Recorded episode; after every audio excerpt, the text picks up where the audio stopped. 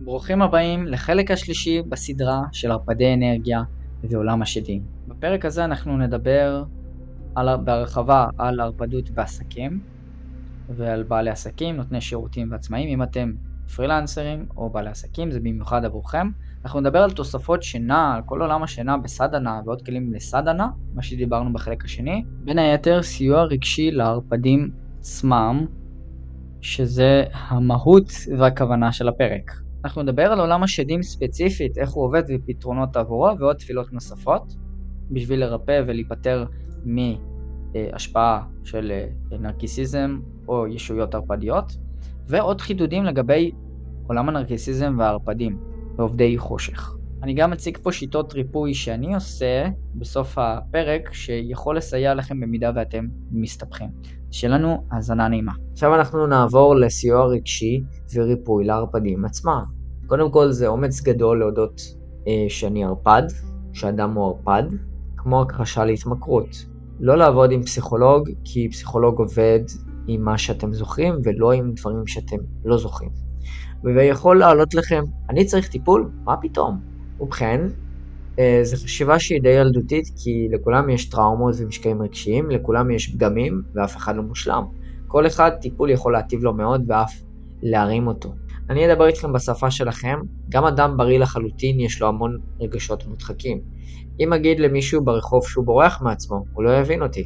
לערפדים אני ממליץ גם לעשות סדנה, סדנה גם יכולה להרים לכם את האנרגיה, והטרנספורמציה שלכם היא לא תהיה ביום אחד ולא בשבוע אחד, אבל תוך כבר חודש אתם יכולים לראות שינויים משמעותיים. השלב הראשון בהתאוששות, אם אתם בחובות או במינוסים, זה ללמוד לעשות ריפוי עבור עצמכם. זה ללמוד לעשות מדיטציות, זה לעשות דברים חינמים עם עצמכם שאתם לא צריכים לפנות לאיש מקצוע כמו שציינתי מקודם עם הפסיכולוג או כל מטפל אחר. דבר שני זה לתפוס את עצמכם בפעולה. כשאני שואב אנרגיה, כשאני מתנהג בצורה ערפדית, אני אבחר לעשות משהו אחר. ואהבת לרעך כמוך, להתנהג לאחר כמו שהיית רוצה שיתייחסו אליך. אנשים בורחים ממך או לא רוצים קשר נוסף לאחר מכן, כאן תהיה העזרה וההדרכה. אנחנו נתנהג במחשבות שלנו כמו הפעולות. אנחנו ניצור אישור קו, alignment. אם אני חושב שאני מתנהג בצורה ערפדית, אז גם הפעולות שלי צריכות להיות בהתאם. אז אתם זוכרים שדיברנו על source ואנרגיה? והערפד לא יכול לקחת אנרגיה של קורבן, וקורבן לא יכול לקחת אנרגיה של ערפד. כמו שאנחנו נוהגים עם אמברקס מורם בזמן נהיגה, ערפד וגם הקורבן שמים לעצמם אמברקס בזמן החיים שלהם. הערפד יוצר לעצמו גם החסימה האנרגטית מהאנרגיה הראשונית. אם אנחנו ערפדים, אנחנו נרצה לזהות שאנחנו יותר אותנטיים עם עצמנו ועם אחרים.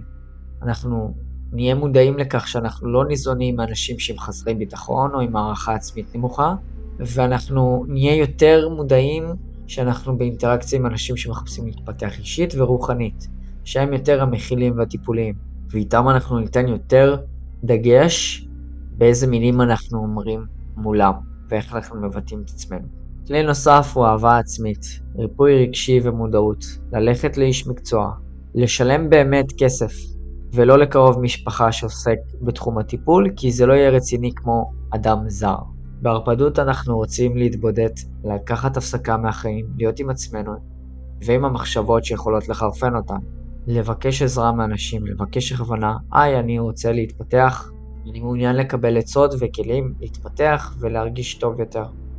אתם תרגישו יותר טוב כשאתם תיזמו את הדברים האלה, וכשאתם פחות תחפשו אישורים חיצוניים מאחרים, פחות תיצרו דרמה.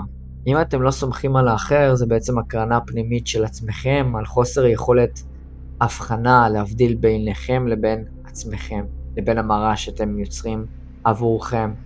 אתם תדעו מה נכון עבורכם כשאתם תהיו מודעים לעצמכם. אתם שיחקתם תפקיד עד כה. התפקיד היה פוגע במישהו אחר, אבל שיחקתם תפקיד, והתפקיד הזה לא היה סתם תפקיד. אני מזכיר, בעולם הרוח אין דבר כזה טוב, רע, שלילי, חיובי. כל דבר מושלם כמו שהוא. הפרשנות האנושית של רצח, פגיעה, אונס או פגיעה באחר הן פרשנויות אנושיות בלבד, וכאן הן מסתיימות. אני מציע לכם, לכל מי שיש לו דפוסי ערפדים, ללמוד לתת לאחר מה שלא קיבלתם לעצמכם. ומה שעשיתם לאחרים לא לעשות לעצמכם ולא לעשות לאחרים יותר. בכולנו יש מעט ערפדות, כולנו היינו ערפדים בתקופה מסוימת, וכולנו היינו חלשים אנרגטית בתקופה מסוימת בחיינו. אנחנו עוברים כעת לסקשן של עדויות, והעדויות פה יהיו במיוחד עבור בעלי עסקים, עדויות shape shifting מאנשים שאני מכיר, לקוחות שלי ושיתופים אישיים מהחוויה שלי. עדויות לקוחות של נרקיסיזם ששמעתי או בעל שהוא בן זוג, אה, סוגר חשבון בנק, מעניין שהאישה לא תצא מהבית, אסור לה להתבטא, אה, צופה בטלוויזיה בקול ואומר לה לשתוק, זה ממש שליטה דומיננטית בבן אדם אה, שהכל יתקיים באישור שלו. עדות shape shifting עדות shape shifting ששמעתי מחוויה של בחורה, פרספקטיבה של בחורה מעולם ה dating שיצאה עם גבר, עדות ופרספקטיבה שלה בלבד של מה שהיא סיפרה לי. הם קוראים ספרים של איך בנוי מוח של גבר ואיך אישה מגיבה. הם קוראים ספרי תודעה, הם קוראי עתידות, הם משתמשים במניפולציות של הפחדה, הם לומדים סימני תורפה של אישה, מה גורם לה להתרגש, pickup, מנוע מיני רומנטי, מה לוחץ לה לכפתורים, יודעים איך לפעול. מי שלא מודעת לעצמה ולא למדה, היא לא תשים לב. יודעים ללחוץ על הנקודות ולדעת לגרום לבחורה לחשוב שאותו גבר מעוניין בה, ותחושה שהיא מאוהבת וזה אמיתי. מניפולציה, אג'נדה למין, לתשוקה ולעונג, צרכים אגוצנטריים של הגוף, אינם עבור האחר אלא עבור העצמי. גם האדם הסבלני ביותר ייגמר לו סבלנות, סבלנות ליחסי מין, ויש ציפייה, ציפייה לצורך שהוא רוצה בשביל עצמו. שייפ שיפטרים יכולים לנסות לבדוק איך מגיעים אצל האדם האחר תקשורים ומסרים, באיזה דרכים ואינפורמציה מגיעים אה, בתקשור, וככל הנראה כדי לעבד ולתמרן שאלו חסיונות לא נכונים. יש להם ידע להשתלט על מחשבה, הם לומדים שיטות ריפוי, טטאיילינג, הכנסה לטראנס, ויכולות של שתילת מחשבה. הם לומדים יכולות תודעתיות שכל אדם יכול לעשות בסופו של דבר לאחר התפתחות מסוימת. הגבר הזה, לפי דבריה, למד רוחניות ותודעה, העתקת תודעה ומשתמש בה לצרכיו האישיים. יש לו פרצוף מתחלף, כל פעם פרצוף טיפה שונה. בכלי תקשורת ובטלוויזיה עם הפוליטיקאים אתם יכולים לראות את זה הרבה, מה שתשימו לב. shape uh, shifter מרגיש כמו נשמה תואמת משיכה מינית מאוד גדולה. המודעות כאן לדברים תלויה בשלבי התפתחות ההתעוררות הרוחנית של הבחורה, אם אנחנו מדברים על תחום ה dating. ייתכן גם אה, תכונה נוספת היא חקר עמוק בחשבונות הרשתות החברתיות של אותה בחורה, וגם זה יכול להיות שבחורה שייפ שיפטרית עושה את זה לגבר כמובן. שיתופים אישיים ועדויות שלי. כדי להקליט לכם את הפרק הזה עברתי צביר, צביר שלם של הרפתקאות, חוויות עם מנעד רחב של סוגי אנשים ומגוון אינטראקציות. אני אספר בקצרה, היה איתי חייל הוא היה רשע בחוויה שלי, והוא השתמש בדברים ששיתפתי אותו נגדי, כדי להשפיל, לרדת וללעוג, לצבור כוח, להשתמש בהתנהגות ילדותית, וכל פעם הוריד אותי וחיבה אותי אנרגטית, ממש הרגשתי מרוקן.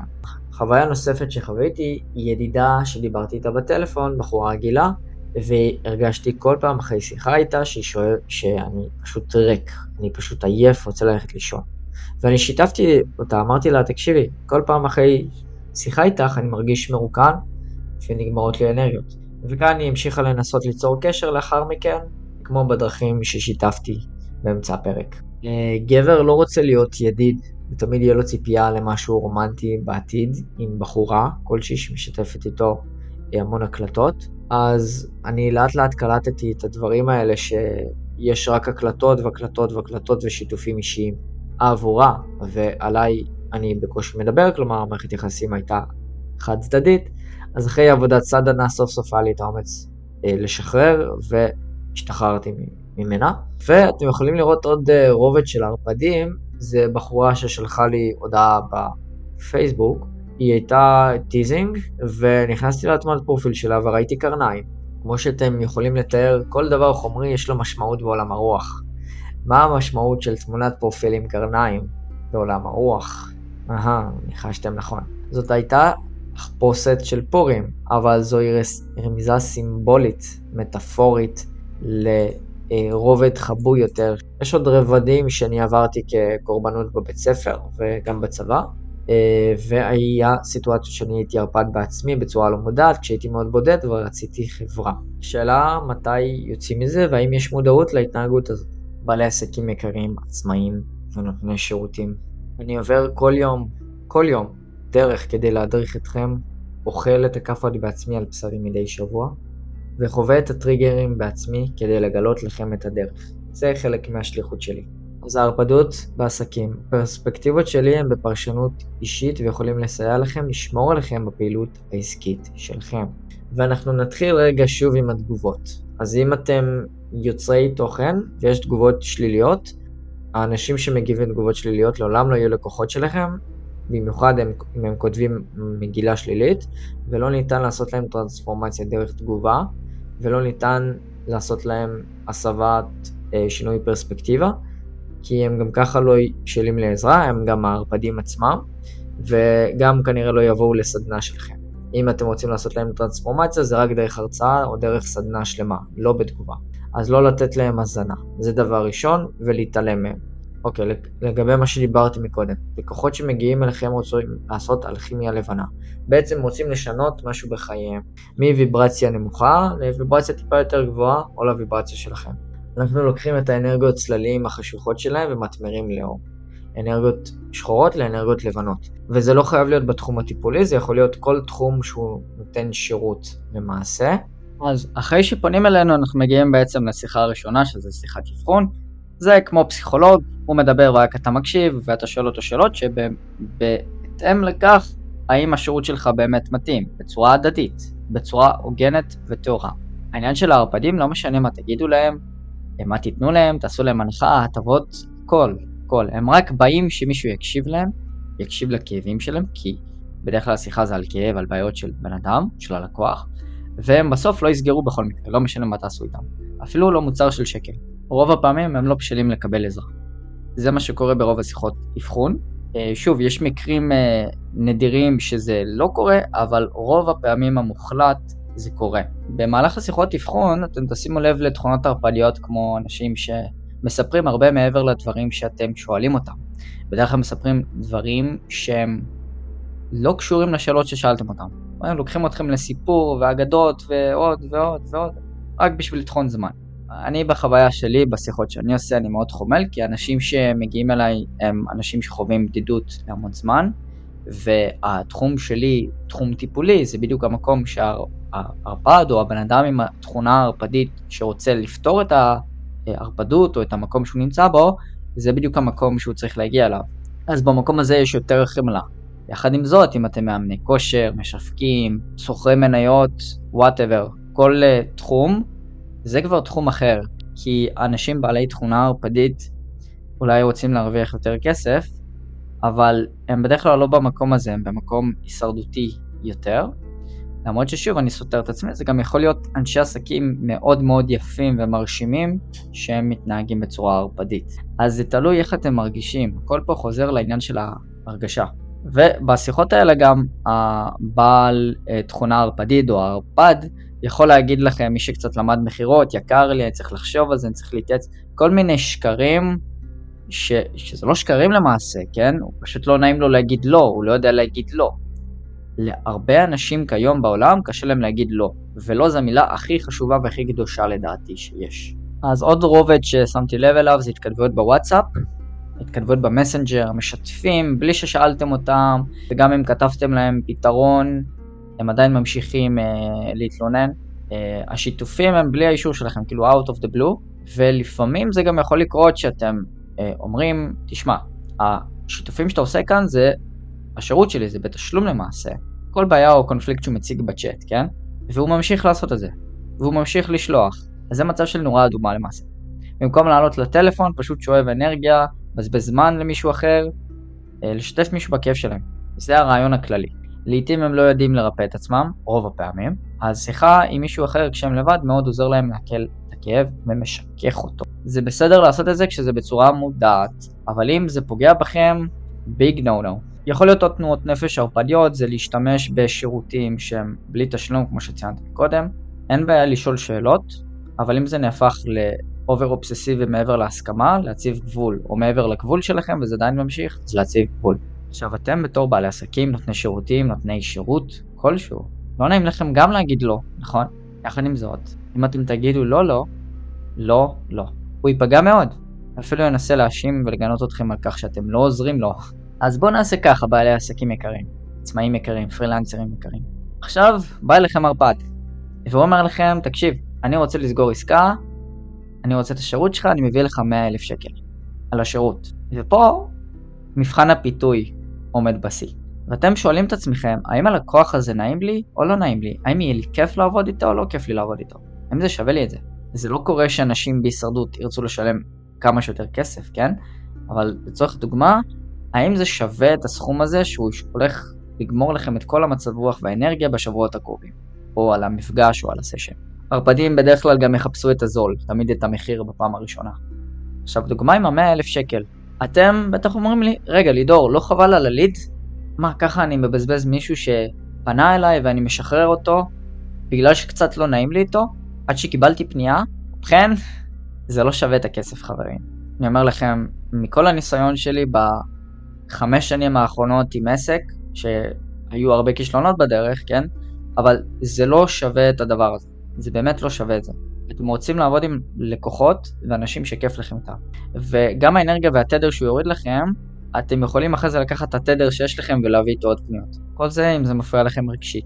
יש לקוחות שיהיה איתם יותר כימיה ויש לקוחות שלא יהיה איתם כימיה. עם הערפדים יכול להיות כימיה, אבל אם הם גוררים אתכם לתוך הלופים והסיפורים שלהם בצורה כמו שדייג מביא את הפיתיון שלו לדגים ומושך אתכם, אז זה פחות זה. ויש לי עוד הרבה מה להגיד על זה. אם אני עכשיו במינוס או חובות ואני בעל עסק ואני חייב את הכסף הזה, את המאה אלף שקל הזה לצורך העניין לסגור איזשהו חוב, האם כדאי לי לוותר על הליד? כן, ואני אגיד לכם גם למה. הכסף יגיע כך או כך, אם אתם במינוס בחובות, יש סיבה טובה מאוד שאתם בחובות, או שיש לכם קושי כלכלי. אבל בואו ניקח משהו אחר. אם נניח אתם רוצים לסגור עסקה בשביל החופשה הבאה שלכם, כן, סתם אני לוקח דוגמה, לא, לא בהכרח חופשה, בואו נגיד לקנות רכב. אתם צריכים עוד 10,000 שקל, זאת, זאת אומרת עוד שתי עסקאות בשביל לקנות רכב. ואתם רוצים את הליד הזה עד שסוף סוף השגתם ליד והוא רוצה לסגור, האם זה שווה את זה? אם זה מדובר בערפד? לא. עם כל הלקוחות בסופו של דבר, כדאי שיהיה לכם נעים ולח, או ניטרלי ולח. היקום בוחן אתכם כל הזמן. כמה אתם מחוברים לאגו שלכם. כמה אתם באמת רוצים לעזור לבן אדם. כשאתם מסתכלים על הכסף, על ה-10,000 שקל או whatever, איזה סכום שזה יהיה, היקום בוחן אתכם. אה, אוקיי, הוא מסתכל נטו אגואיסטית עבור עצמו בשביל הכסף ולא בשביל הבן אדם. שזה לא לטובת האחר, לטובת הכלל, אז אתם אה, כך או כך תקבלו את העונש, שזה או לקבל את הבן אדם או שהוא לא יסגור איתכם את העסקה. ואז ככל הנראה יופעל אצלכם טריגר או שלא תקבלו את המכונית שאתם רוצים לקנות. יחד עם זאת, כשאתם משחררים בן אדם בצורה יזומה, זה אומר שיש לכם שפע, אתם לא מפחדים לאבד. ככה היקום עובד. מי שלא מפחד לאבד ומשחרר, היכולת לשחרר היא מאוד חשובה. אני מדבר על זה גם בפרק של שפע מטאפיזי. ממש פרק שלם רק על מה שאמרתי עכשיו, אם תרצו הרחבה. אז ברגע שאתם משחררים, יבואו אליכם לקוחות אחרים ככה או ככה. אז זה לא משנה. ויש לי פה עוד כמה דברים לגבי הערפדים. אז כשדיברתי על מספרים אינפורמציה בלי ששאלתם אותם כאבים ובעיות שלהם וסיפורים שלמים, אנחנו יכולים להתעלם, אנחנו יכולים לתקשר החוצה את כל סוגי התקשורת שאמרתי, או להגיד לבן אדם, תשמע, השירות הזה עולה בכסף, או אם אתם בשיחת אבחון איתו, ואתם לא רוצים לעבוד איתו, ואתם לא רוצים לפגוע, כן, זה בסדר להגיד, לא להגיד לא, שזה לא נעים לכם, אז להעלות מחיר, במקום המחיר המקורי שאתם לוקחים, להגיד איזה פי 4 את המחיר, ואז הוא גם ככה יגיד לכם זה יקר לי והוא לא ירצה לסגור. עוד בדיקה נהדרת להימנע מאנשים לא רציניים, במיוחד ערפדים, זה לבקש תשלום במעמד השיחה לפני שקובעים את הסשן או את המפגש בכלל. ואז אם בן אדם משלם, אז הוא אותנטי, הוא אמיתי. המחשבות והמילים שלו הן קוהרנטיות. אבל אם הוא לא מעביר תשלום, לא, אני אעביר לך מחר, מחרתיים, יש שם משהו שהוא לא אותנטי בין המחשבות לבין המילים. הן לא קוהרנטיות. רגע, רגע, רגע. ערפד לקוח בא לבקש עזרה להפסיק להיות ערפד ואנחנו דוחים אותו? לא בדיוק. אנחנו עוזרים לו בצורה עקיפה מבלי שיפגע בנו. למשל, אנחנו יכולים לייצר סרטון או פוסט על הבעיה שלו ולשלוח לו קישור על זה אחר כך. או להקליט לו וואטסאפ בהקלטות בוואטסאפ ובהודעות יש פחות שאיבת אנרגיה מאשר בשיחת טלפון או במפגש פיזי, ואחרי שהוא מתאושש עם הכלים, הכלי השתיים שעשיתם, שנתתם לו והוא יישם את זה, אשכרה יישם, כן? הוא מתאושש, אז אתם יכולים לעזור לו. כך או כך הוא יעריך אתכם בשני המקרים. כל הרעיון של הפרק הזה, כל הסדרת uh, ערפדים, זה לעזור לערפדים, זה לא לדחות אותם באמת. איכשהו כן לסייע במה שאנחנו יכולים לעשות. אז אחרי שהוא מעלה את האנרגיה, את הוויברציה שלו, את הכלי שנתתם לו, אם זה אימוני כושר, אם זה עבודת חשמל, אם זה פיננסים, אם זה מניות, כל דבר. אם זה mentoring, coaching, NLP, הכל. הוא מעלה טיפה את האנרגיה, משתמש בכלים, ואז להזמין אותו לסשן או סדנה. אם אתם רוצים אותו כלקוח, אם אתם לא רוצים אותו כלקוח, זה משהו אחר. כל מה שאמרתי לא חקוק בסלע, כמו תמיד, אין אמת מוחלטת. גם עם ערפדים ואנשים כאלה אפשר להתמודד, אם אתם יודעים. בסשן אחד אפשר לעשות להם טרנספורמציה. הם מעלים את האנרגיה, את המחשבה. אם אתם אנשי מקצוע והם ממש סומכים עליכם, אז אתם יכולים לשקף להם בעדינות את ההתנהגות שלהם, בדיוק איך שמתנהגים, בלי לפגוע אותם, בלי לפגוע בהם, וזה כבר יכול לעשות טרנספורמציה בסשן אחד. כי הערפד לא מודע לעצמו שהוא ערפד, כמו שציינתי בפרק אחד בסדרה. לא בהכרח להגיד להם שהם ערפדים, כי לקוח ערפד הוא בצד החלש. הלקוח הוא זה שתמיד בא לבקש עזרה, הוא בא לבקש הכוונה, לכן הוא יכול להיפגע בקלות כי הוא במקום פגיע. הוא בא לבקש מאיתנו האוטוריטה עזרה, וגם לשלם על זה כסף. אנחנו רוצים לעזור כמה שיותר אנשים, בכמה שיותר מקומות, וכמה שיותר לתווך מידע. וגם לשמור על עצמנו במקביל ולהתפתח במקביל. זה הווין ווין, הפעילות העסקית האולטימטיבית לטעמי. בתור בני אדם אנחנו נעדיף לעיתים דרך עקיפה כי זה יותר קל וזה בסדר. למרות שבאיטיות ועקיפות אנחנו מתפתחים יותר לאט. כשאנחנו אותנטיים ואומרים את האמת שלנו בפנים, אז ההתפתחות היא הרבה יותר מהירה. ולכולנו יש פגמים, לכולנו יש פחדים וקונפליקטים, לכן אף אחד לא מושלם. גם כשאני עוסק בתחום הריפוי, אני אומר לכולם בטלפון, כל הלקוחות שלי, כל מי שפונה אליי, כל הלידים, תשמע, אני גם לא מושלם, זה שאני מתעסק בריפוי, זה לא אומר שאני מושלם. אני גם, יש לי אתגרים ודברים שאני עובד עליהם בעצמי, וזה בסדר. עכשיו העניין עם האובססיביות של השיתופים, אם זה קורה מעל פעמיים שלוש, זה כבר נורה אדומה. גם אחרי ששיקפתם להם. בשיחה הראשונית, בשיחת תבחון, אנחנו רוצים לשמוע בעיות ואתגרים, אבל לא בצורה של פסיכולוג עכשיו, כאילו הוא בא לטיפול.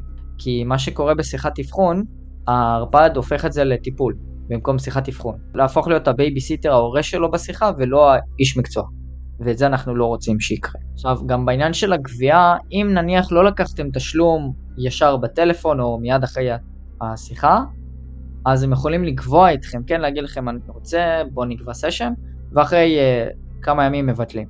אז גם התבאסתם על הזמן שהשקעתם בו, גם אתם מרגישים מרוקנים אחרי שיחה, וגם התבאסתם שלא הצלחתם לעזור לבן אדם, כי אתם יודעים שהוא צריך עזרה. זה הטבע של להיות בחוסר מודעות, או אי מודעות, שיש כוונה לקחת עזרה, אבל יש יותר מדי פחד אגואי לעשות שינוי, או חוסר מודעות לעשות שינוי. אם אתם רוצים הרחבה על התחום העסקי, אז יש פרק שלם בפודקאסט שנקרא ביטוי רצון הנשמה ליוצרי תוכן, עצמאים, בעלי עסקים ונותני שירותים. וגם אני אתן פה מוטיבציה לשכירים, מי שעדיין בעבודה שכירה, בסופו של דבר אתם תצטרכו ללמוד להיות עצמאים ובעלי עסקים בעצמכם. נמשיך עם הערפדים. מה אם אני בכל זאת רוצה לעזור לערפד למרות שהוא פוגע בי ועושה אותי עייף? אני כן רוצה לעזור ואני אוהב לעזור. אז כמו שציינתי, לשלוח קישורים פסיביים, שאתם לא באינטראקציה ישירה איתו. אנחנו לא מחרימים ולא מוקיעים אותם מהחברה. אנחנו כן נותנים כיוון והכוונה ועזרה בגבול הטעם הטוב שאנחנו יכולים. הבעיה בכל העזרה והאלטרואיסטיות הזאת, בוא נעזור לו, הוא מסכן, הוא צריך עזרה, זה בעייתי, כל הנושאים האלה. למה? כי כאן בדיוק הערפדים אוהבים את האנשים האמפתיים, רגישים ואלה שרוצים לעזור. אתם הטרף העיקרי. אתם בעצמכם יכולים לשלוח את הפרק של הפודקאסט הזה או פוסטים לאנשים שאתם רואים שזה יכול לעזור להם. אוקיי, okay. עכשיו ערפדות שיווקית זה נישה אחרת לחלוטין. אז כל חברת שיווק שתלכו אליה היום או כל עסק, הם עוסקים בנגיעה בכאב. כל הבעלי עסקים עושים את זה בשביל למשוך לידים בסרטונים, אה, בכותרות שיווקיות, כן? לא צריך להבין יותר מדי בשיווק בשביל להבין על מה אני מדבר. הצורך פה זה להרוויח אה, כסף ולהתפרנס ולהביא הרבה פניות. ובעלי עסקים עם 4-5 ילדים צריכים לעשות את זה כי הם צריכים לפרנס משפחה, עד שהם ילמדו את חוק הוויברציות. אני ממליץ לכולם לאט לאט להיות יותר תיאורים בשיווק שלכם והרבה קומפשן וחמלה. מניפולציות הוא כוח שחור ואפל, זה כישוף שחור למעשה, שאנחנו נוגעים לבן אדם בכאב שלו ישר בתחילת הסרטון. כן להגיד את הדברים בצורה יותר נעימה, אה, לא, לא ליצור את הטריגרים הרגשיים האלה פחות. אם אתם תצפו בסרטונים שלי ובפרקים שלי, אתם תראו שאני לא עושה את זה. בסרטוני כושר שהיה לי כשהייתי מאמן street workout, מאמן משקל גוף, הייתי עושה את זה. אבל עכשיו אני לא עושה את זה בכלל. אז כל העניין של התאווה ולהרוויח כמה שיותר כסף, אם אנחנו נדבר על מודל הספירלות המתקדם, זה הספירלה הכתומה שיש לה תאווה לכסף, להרוויח כמה שיותר כסף בשביל להיות מאושר. אז גם על זה יש לי פרק שלם בפודקאסט. אני בעצמי שונא באמצע פרק שעושים לי הפניות לפרקים אחרים. למעשה כל מודל או כל נושא שאני רוצה להסביר לכם זה ייקח שעה, אז בגלל זה נוצרות ההפניות. אז הפרק הזה קוראים לו מודל הספירלות המתקדם, ויש שם גם אה, כל מיני צבעים סמוך לפרקים ברשימה, אתם יכולים לראות את זה. אוקיי, עוד קצת על לקוחות ולידים, ואיך באמת לעזור להם. העניין של להפוך את השיחת אבחון לטיפול, או לסשן כבר, זה לקוחות שלא עושים בכוונה, הם מרגישים את הבדידות. כשכולנו היינו ערפדים בתקופה מסוימת בחיינו, אף אחד לא רצה להיות בסביבה שלנו. היינו בודדים. ומכאן אנחנו יכולים להבין אותם, כי אנשים מרגישים חנוקים בסביבה שלהם, לידם. מרגישים שהם רוצים ללכת. יש עוד uh, צורה פשוטה ועדינה יותר, זה לא מרגיש לי נכון לסייע לך. לא מרגיש לי נכון לסייע לך. לא מרגיש לי נכון לעבוד איתך. השיטה שאני עובד אני לא רואה שהיא כל כך מתאימה לך, חבל על הכסף שלך. הערפד לא יאהב את המילה לא, וכשאתם אומרים ומנסים לשחרר את הלקוח, את ה lead, אז בעצם ייווצר קשר של push and pull. push and pull, אם אנחנו ניקח מאזניים, ונניח בשני צידי המאזניים קילו, וגם בצד השני קילו, אז כשאנחנו משחררים אה, לקוח ואומרים לו שזה פחות מתאים, אז הוא ינסה למשוך אלינו, למשוך אותנו אליו. ואם הלקוח אומר לנו איזשהו תירוץ כלשהו למה, לא, למה הוא לא מרגיש לא נכון לסגור עסקה, או יכול להיות גם חוסר בשלות לתהליך או לטרנספורמציה או לשינוי, כמו שציינתי מקודם, אז אנחנו באופן אוטומטי ננסה למשוך אותו אלינו. אז כשמישהו רוצה הוא מתרחק, וכשלא רוצים, אז הצד השני מנסה לפצות. עוד רובד שמצאתי על uh, תכונות ערפדיות, זה מאחרים אובססיביים. סגרתם עסקה, בן אדם מגיע לסשן, התחיל איתכם תהליך, בדרך כלל מאחרים אובססיביים, נשארים יותר, זמן, יותר מהזמן שקבענו בסשן. המאחרים האובססיביים זה יותר מפעם, פעמיים, שלוש וברצף, זה תמיד קורה ככה, ותמיד יש איזושהי התרצה טובה. למה זה קורה?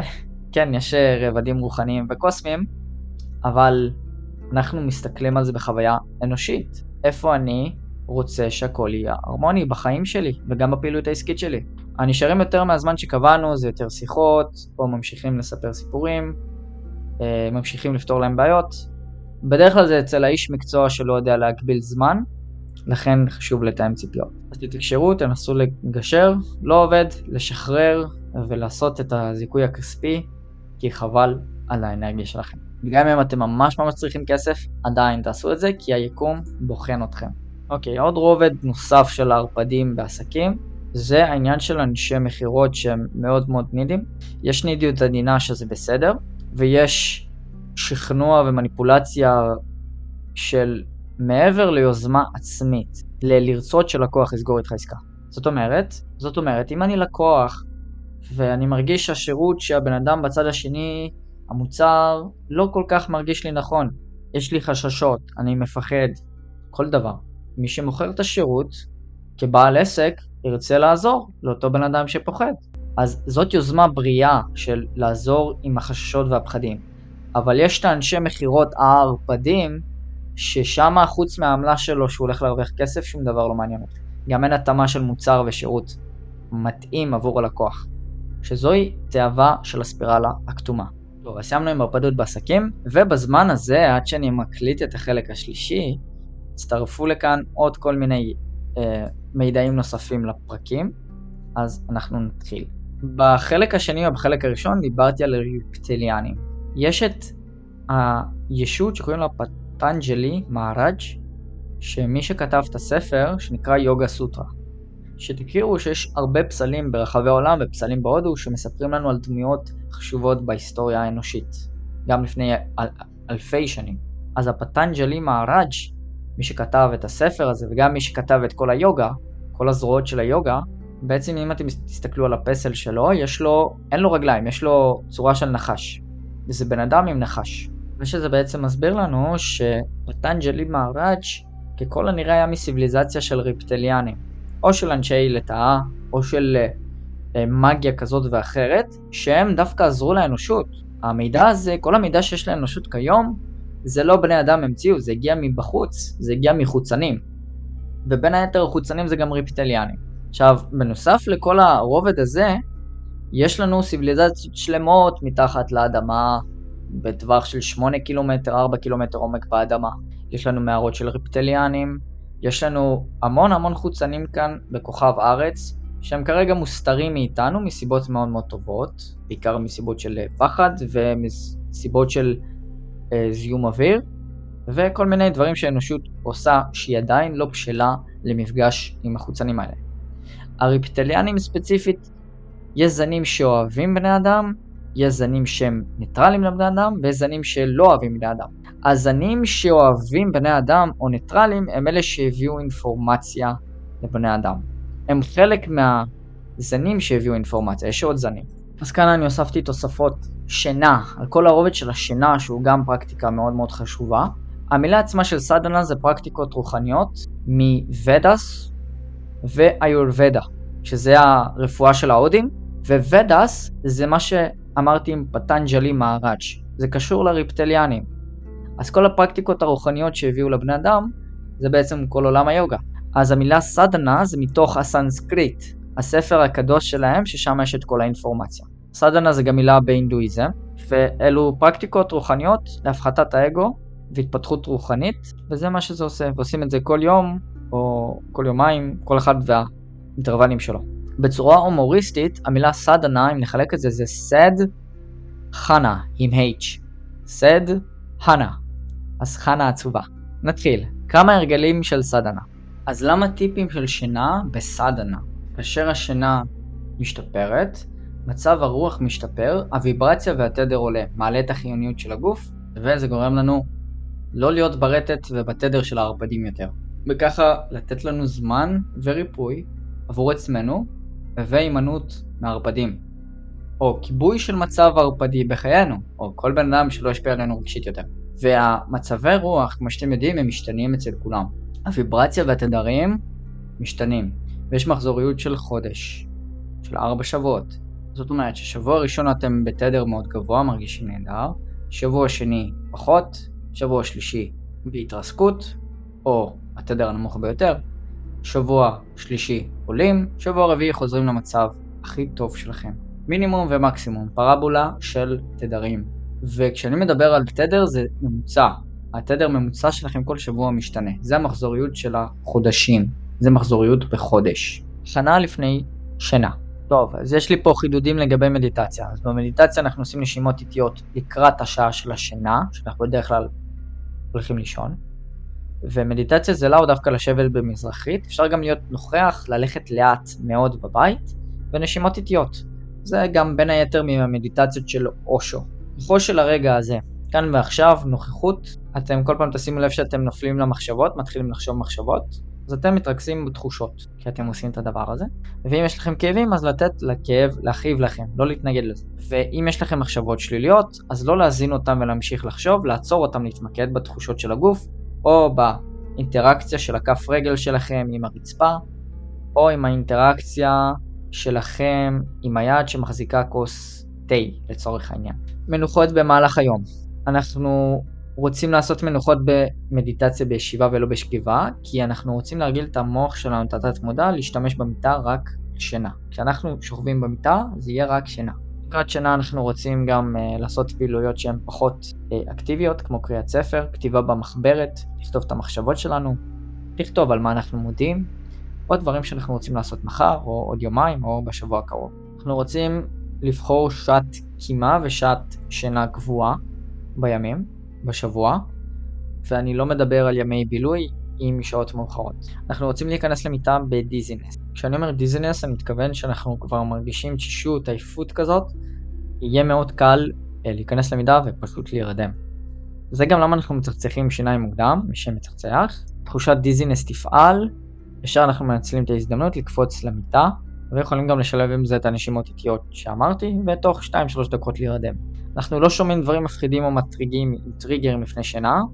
הסקשן הבא שנעשה בפודקאסט הוא דוגמה נהדרת. כשאנחנו שוהים במיטה ושוכבים ומחכים להירדם, זה בעצם מרגיל את התת מודע שלנו לשכב ולנוח במיטה, ואת זה אנחנו לא רוצים. אז אם אחרי 10-20 דקות לא נרדמים, אנחנו קמים ועושים דברים אחרים. אז כמו שציינתי מקודם, לקרוא ספר, לכתוב במחברת, לכתוב מחשבות וכולי וכולי. רק לא מסכים כחולים בטלוויזיה וטלפון. אם יש לנו קושי באופן כללי להירדם, אז אנחנו נלך לישון מאוחר יותר, ועדיין נקום באותה שעה שאנחנו רגילים לקום בבוקר. ככה השינה תהיה עמוקה יותר, כי נהיה עם יותר דיזינס ועצלנות. צחצוח שיניים בלי פלואוריד, כי כשאנחנו מצחצחים שיניים עם משחת פלואוריד, זה בעצם אה, נספג בלשון, באנזימים של הלשון, ופלואוריד, אם עשיתם מחקר או שאתם מאמינים בזה, לא מאמינים בזה, קונספירציה, לא קונספירציה, זה חוסם את האינטואיציה, חוסם התפתחות רוחנית באיזשהו היבט, ואם אתם תלכו לרופא שיניים הוא יגיד לכם מה שהוא למד בתואר ואין על זה עוררין. אז זה בחירה חופשית, אתם יכולים לעשות עם זה מה שתרצו. פעילויות בתוך המיטה, לא לעשות פעילויות בתוך המיטה, אנחנו לא רוצים להיות בטלפון בתוך המיטה, ולא לכתוב, ולא לשחק עם האצבעות, ולא כלום. אנחנו רוצים לא לזוז. איך אנחנו מרגילים את התת-מודע שלנו, כשאנחנו במיטה, אנחנו לא זזים, ואנחנו תוך דקות בודדות נרדמים. עם הנשימות האיטיות. כן, שעתיים לפני גם בלי מסכים, והמינימום זה 30 דקות בלי מסכים לפני שנכנסים למיטה. כשאנחנו בחדר אנחנו בחושך מוחלט, שלא יהיה קר מדי ולא חם מדי, ואם יש לכם רעשים מבחוץ, אתם יכולים להשתמש באטמי אוזניים, ואתם יכולים לשים כיסוי על העיניים, ואם בכל זאת יש רעש, אז לשים רעש לבן כמו מזגן, או אה, רעש לבן מהמוזיקה, יש מדיטציות ביוטיוב עם רעש לבן שהוא מונוטוני. לגבי תאורה, אנחנו משתמשים בנורות פחם בחדר, זה נורות שהן בעצם לא לד, הן לא לבנות, זה נורות עם חוט להט. והאורות הם קטנים.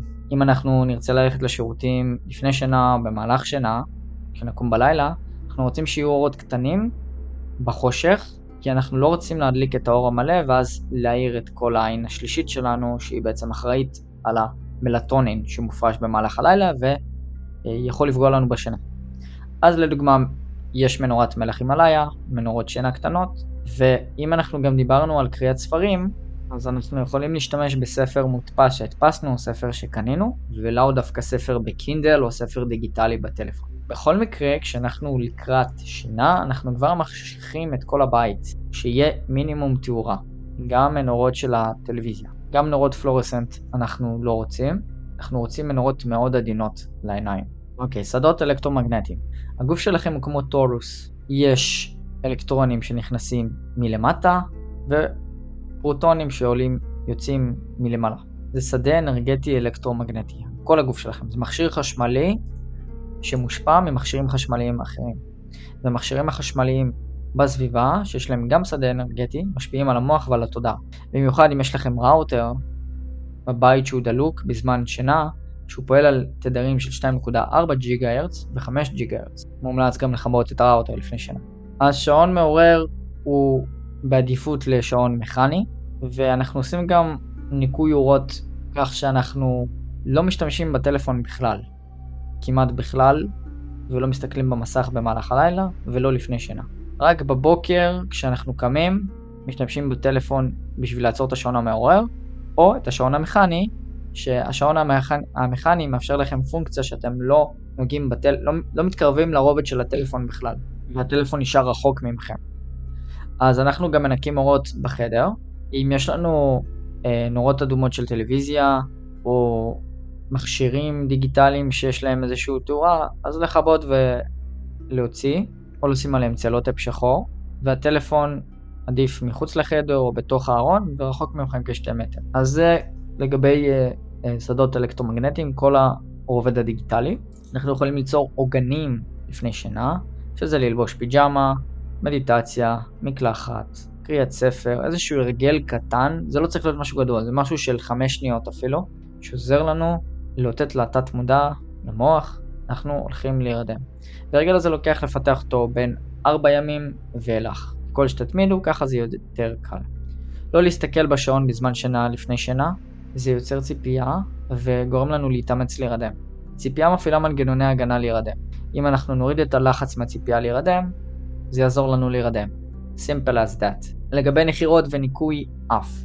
אז נחירות הם מצב שהריאות חסומות, יש בהם חסימה אנרגטית.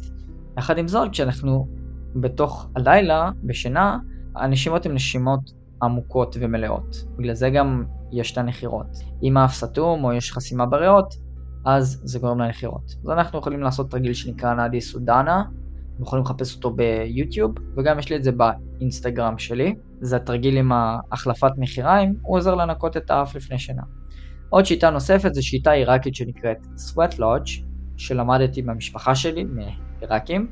Sweat Lodge בעצם זה שיטה שמאנית שנמצאים במעגל, בתוך אוהל מאוד מאוד חם, ומזיעים בצורה אינטנסיבית מאוד. אנחנו עושים את זה אותו הדבר, רק עם שמיכה בחדר שלנו. במידה ואנחנו לא מרגישים טוב ושאנחנו צריכים איזשהו ריפוי או ניקוי של הגוף, דרך הזיעה אנחנו יכולים להוציא המון רעלים מהגוף. אז אנחנו לוקחים כמה שכבות של שמיכות ושוכבים איתם במיטה, נרדמים, מזיעים מאוד, ועשינו את הניקוי. אז אנחנו נדבר עכשיו על רובד של חלימה. בחלומות אנחנו חווים טריגרים, סיטואציות שעברו עלינו מהיום שהיה, או טראומות מודחקות שיש לנו בתת מודע. וכשאנחנו מתעוררים בבוקר יכול להיות שיש לנו נזלת, או התעדשות, או ג'יקנה בעין, הדבר הירוק הזה בעיניים, ורק את זה נקרא ג'יקנה, וכל זה בעצם זה תהליך ניקוי, ניקוי של הגוף. שינה מחיה את הגוף, הגוף יוצא לאסטרל, לגוף פיזי, סליחה, לגוף אסטרלי, הגוף הפיזי נשאר במיטה. יש רחבה על כך בפרקים אחרים. אז אנחנו, כשאנחנו קמים בבוקר, אנחנו רוצים פשוט לרשום את מה שאנחנו חלמנו במחברת, ביומן אה, חלימה אסטרלית, וזה בעצם מרגיל את התת מודע שלנו לזכור חלומות. מכאן אנחנו נוכל לעשות חלימה צלולה ומסעות אסטרליים. וכשאנחנו מתעוררים בבוקר, אה, אנחנו לא זזים מהמיטה, אנחנו שתי דקות מחכים, שלוש דקות, זוכרים את החלום, מנסים להיזכר במה שהיה, ואז כותבים את הכל. אני יכול להגיד לעצמי, כשאני אקום מחר בבוקר, אני אזכור את החלום שחלמתי בלילה. כמה פעמים ולהתכוון לזה לפני שינה, איזושהי התכווננות, וזה יכול מאוד לעזור. נמשיך. ארוחות ומערכת העיכול. אנחנו לא הולכים לישון רעבים, אבל גם לא שבעים. כל העניין של קרקורי בטן זה בעצם תהליך ניקוי של המעיים. הרעב האמיתי נמצא באזור החזה והגרון, מעל האזור של המעיים. כך שכל הרעב שסיפרו לכם עד כה, נטורופטים, תזונאים, הרבליסטים וכו', כל אנשי המקצוע, זה לא בהכרח נכון. זה ניקוי של סטרס רגשי, ניקוי של רעלים במערכת העיכול ובמעיים. אז באופן כללי, ללכת לישון רעב זה מצוין. אנחנו רוצים להיות אפילו בצום של כמה שעות לפני שינה. וזה גם מה שעוזר לזכור את החלומות בצורה טובה יותר, כי מערכת העיכול לא צריכה לעבוד בלילה תוך כדי שאנחנו הולכים לישון. סיגריות, אלכוהול, קפאין, קפה, קקאו, עד השעה 10 בבוקר או עד השעה 12 בבוקר, הם משפיעים בין 12 ל-14 שעות קדימה. זאת אומרת, אם אני הולך לישון ב-10, כדאי שעד 10 או 12 אני אשתה את הקפה או את הקקאו, או את הדברים הממריצים, אחרת זה יכול להשפיע עליי בצורה מעטית אפילו בזמן השנה. או לקראת הירדמות לשינה, יכול לעכב את זה. וכנ"ל לאימונים. אז גם אם אנחנו מתאמנים כארבע שעות לפני שינה, זה נותן לנו המון אנרגיה. אבל אם אנחנו מתאמנים ממש סמוך לשינה, זה מקפיץ את האנרגיה כמו אלכוהול וקפה וקפאין, וזה דבר נהדר להתאמן, אך לא שזה סמוך מאוד לשינה. והאימון יכול להיות גם אה, אפילו שלוש סטים, ארבע סטים של שכיבות צמיחה בשיפוע על המיטה, משהו מאוד מאוד פשוט, זה גם עושה את העבודה נהדר, עוזר לניקוי. אנחנו לא רוצים לראות נטפליקס וחדשות עם צבעים אדומים על הטלוויזיה. אנחנו מכבדים את הטלוויזיה, אנחנו רוצים לשמור על התת-מודע שלנו ושל מה שהוא סופג, על המחשבות שאנחנו מקבלים. אנחנו יכולים גם להשת... להשתמש בצומות מים, אם אה, ציינתי את זה בחלק 2 של הסדנה, צומות מים של 4 אה, שעות, 8 שעות, 12 שעות, כל אחד בהתאם ליכולת שלו, ואנחנו יכולים גם לעשות לקראת שינה או לפני שינה או שעה לפני שינה, 30 או 50 נשימות מלאות ברצף, זה עוזר להרגיע את כל הגוף. אנחנו לא רוצים לאבד אנרגיה מינית, אנחנו רוצים להפחית עיבוד אנרגיה מינית, אם בכלל, ואני יודע שהרבה גברים, כולל אני בעברי, אה, היינו שופכים נוזל זרע בשביל להירדם ולהיות עייפים. זה דבר נהדר שעוזר להירדם, אבל אתם מאבדים את כל הכלכלה שלכם, את כל האנרגיה שלכם, כי בנוזל זרע יש את כל החלבונים וכל הנוטריאנטים והוויטמינים הכי חשובים שיש לגוף באותו רגע בזמן השפיכה. אותו דבר לנשים, רק לנשים זה פחות קריטי, אה, יותר עניין של עיבוד נוזלים וגינליים, שהוא לוקח הרבה יותר זמן מגברים, ונשים פחות להתערבב עם אה, יחסי מין עם גברים, זאת אומרת רק עם בן זוג אחד, אה, וככה אתם שומרים על האנרגיה המינית שלכם. יש גם תרגילי קיגל, שזה תרגילים שכל המינים, שני המינים יכולים לעשות, זה מאוד יכול לעזור לרצפת האגן ולהפחית עיבוד אנרגיה באופן כללי. בנוסף לכך, נשים יש לכם את הווסת, התרגילי קיגל נהדרים לווסת, כי בווסת מאבדים אנרגיה מינית ללא קשר. אוקיי, אז אנחנו דיברנו על ערפדים ושדים בפרקים הקודמים, אז פה יהיה עוד חידודים יותר ספציפיים. לגבי ערפדות, נרקיסיזם ושאיבת אנרגיה. הסקשן הזה יתמחה ספציפית על שדים, וזה פרק לא קל. התוכן כאן יכול להיות מאוד מפחיד עבור אדם שזה חדש לו לחלוטין. אני ממליץ לא לשמוע את זה לפני שינה, כמו שציינתי מקודם. זה אולי יישמע מוזר, אבל עולם הרוח הוא עצום, והוא מאוד מוזר עבורנו, בני אדם. זכרו שאנחנו הרבה יותר חזקים מישויות אור, כי אנחנו בגוף פיזי ואנחנו יכולים לשלוט ויש לנו בחירה. אנחנו הרבה יותר חזקים גם משדים. אז יש כל מיני סימפטומים ששמעתי וחקרתי בעבודת מחקר שלי, שזה יכול להיות סקס בלילה עם בן או בת זוג, שהבן או הבת זוג הוא בעצם שד. יש אנשים שמדווחים שמשהו אונס אותם, שקורא להם סקס אלים איתם בזמן שינה, משהו שולט להם בגוף. והישויות האלה נקראות לילית, אינקובוס, אינקובאי או סאקובוס. אינקובוס הוא בעצם הישות הדמונית שמחפשת לקיים יחסי מין עם נשים ישנות, כלומר זה ישות שהיא ממין זכר, זה גבר, זה שד זכרי. וסאקובוס זה ישות, זה שד נקבי שמחפש לקיים יחסי מין עם גברים בזמן שהם ישנים. אצל גברים השד הנקבי ירצה שהגבר שהיא שוכבת איתו ישפוך את הנוזל זרע, ואצל הנשים הוא פשוט רוצה להפרות, השד הזכרי רוצה להפרות ולהכניס אותם לכאורה להיריון ולהפרות אותם. אני ארחיב על זה בסקשן הבא. כל זה נשמע מיתוסים ופיקציות, אבל אנשים חווים את הדברים האלה, אוקיי? זה לא אה, פיקציה או פנטזיה שאנשים ממציאים. הדבר הזה קורה. זה לא קורה להרבה אנשים, זה די נדיר, או שלא שומעים על זה, אבל הדברים האלה יכולים לקרות. אז כן, מלאכים ורוחות יכולים להתגלם בצורה פיזית, וגם להם יש צרכים אנושיים כשהם בתוך גוף פיזי, כשהם משתלטים על גוף פיזי, והם יכולים לנהל מערכת יחסים מינית עם הקורבן. הם יכולים לקחת גופים, כמו שרוחות ומלאכים ונשמות יכולים לקחת גופים, גם שדים יודעים לעשות את זה. וישויות רוחניות שיכולות להפרות אישה, לגרום לה להיכנס להיריון או להוליד ילד, זה לא בהכרח ילדים פיזיים נולדים בהיריון, אך נוצרת הפריה עם סטייה רוחנית כדי להפרות את האדם הזה מינית. תמיד בסקס זה בשביל להוליד ילד באופן הפיזי, ובאופן הגנוסטי רוחני זה להעלאת הוויברציה והתפתחות רוחנית. זה לפרק אחר. אז יש כאן שתי סתירות שאני אגיד לכם. הראשון, זה לא באמת הריון פיזי שהאישה נכנסת להיריון אחרי שהיא קיימה יחסי עם שד בזמן שינה, ואחרי תשע חודשים יש לה ילד, ומצד שני זה גם יכול לקרות, אבל בהסתברות מאוד נמוכה. ואם אותה אישה היא בזוגיות עם גבר, גבר אמיתי במציאות, ובאחד הפעמים שהם קיימו יחסי מין, הם לא השתמשו באמצעי מניעה, והיה זירון שזלג לרחם, אז ההיריון הזה יכול להיחשב מהגבר ביולוגי, אבל זה גם יכול להתקיים עם השד הזכר שדיברתי עליו מקודם. זו הסתברות נמוכה. ההסתברות הראשונה שאמרתי היא יותר אמיתית ויותר מציאותית, וזה מה שקורה באמת. אז נשים וגברים שחווים את הדברים האלה, זה פשוט משמיד מערכות יחסים, וגם משמיד את השלווה של אותו אדם שחווה את זה. הכוונות האמיתיות של שדים הן לא נאורות, אבל הם משחקים תפקיד חשוב במוטיב הבריאה גם כן. זה קורה בחלומות רטובים ואורגזמות שחווים בזמן שינה, או כשאנחנו חווים חלום פורנוגרפי. שאנחנו שוכבים עם משהו בחלום, מקיימים איתו מין. וכאן מתקיימת גם שאיבה רגשית רוחנית, כי זה אונס רוחני למעשה, שאיבת אנרגיה. זה יכול להיות מאוד אינטנסיבי ולפעמים אפילו ממכר, וזה יכול להוביל להתמכרות, או אפילו אשמה כלפי עצמנו.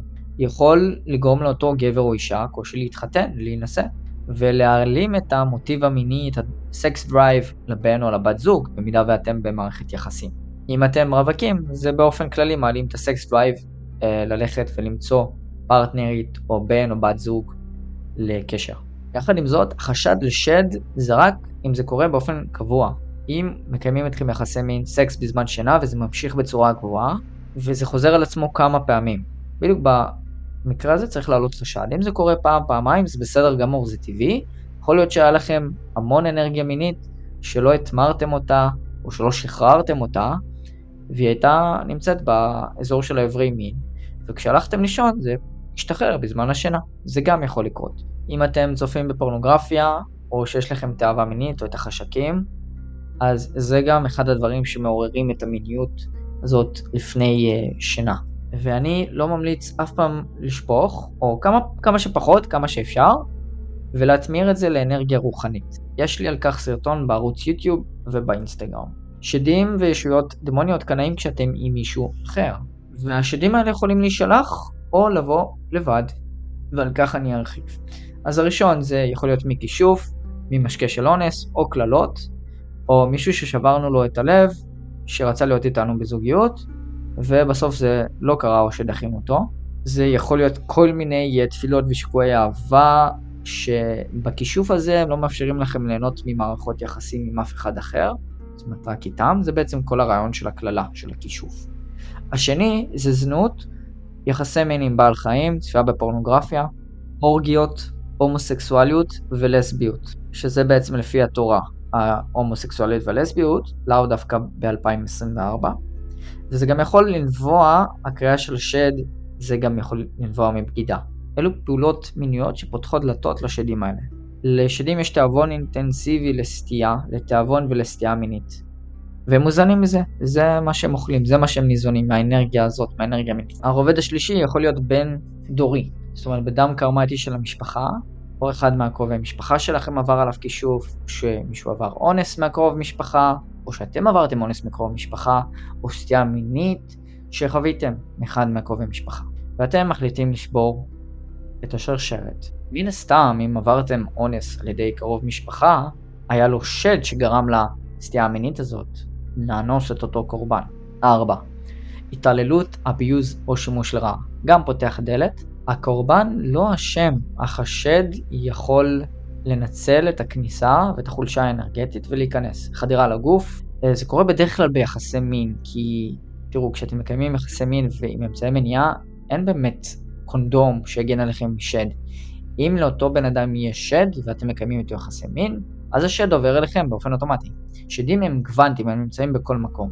אם דיברנו על הקרוב משפחה שיש לו שד, והוא אנס את הנכדה שלו לצורך העניין, אז באונס הזה מן הסתם ביחסי מין, השד החדר, ויחסי מין באופן כללי זה מצב מאוד פגיע.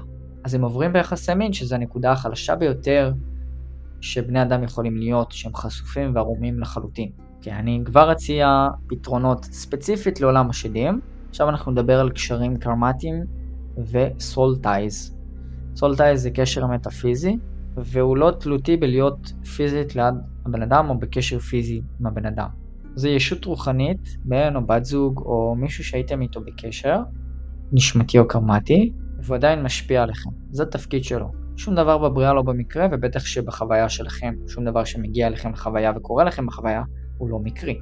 אז אנחנו דיברנו על קשרים אה, נשמתיים באחד החלקים, אני אתזכר אותנו קצת ברבדים האלה. קשרים נשמתיים כאלה מתקיימים אחרי יחס רומנטי, ובמיוחד קשר מיני, אינטראקציה ביחסי מין.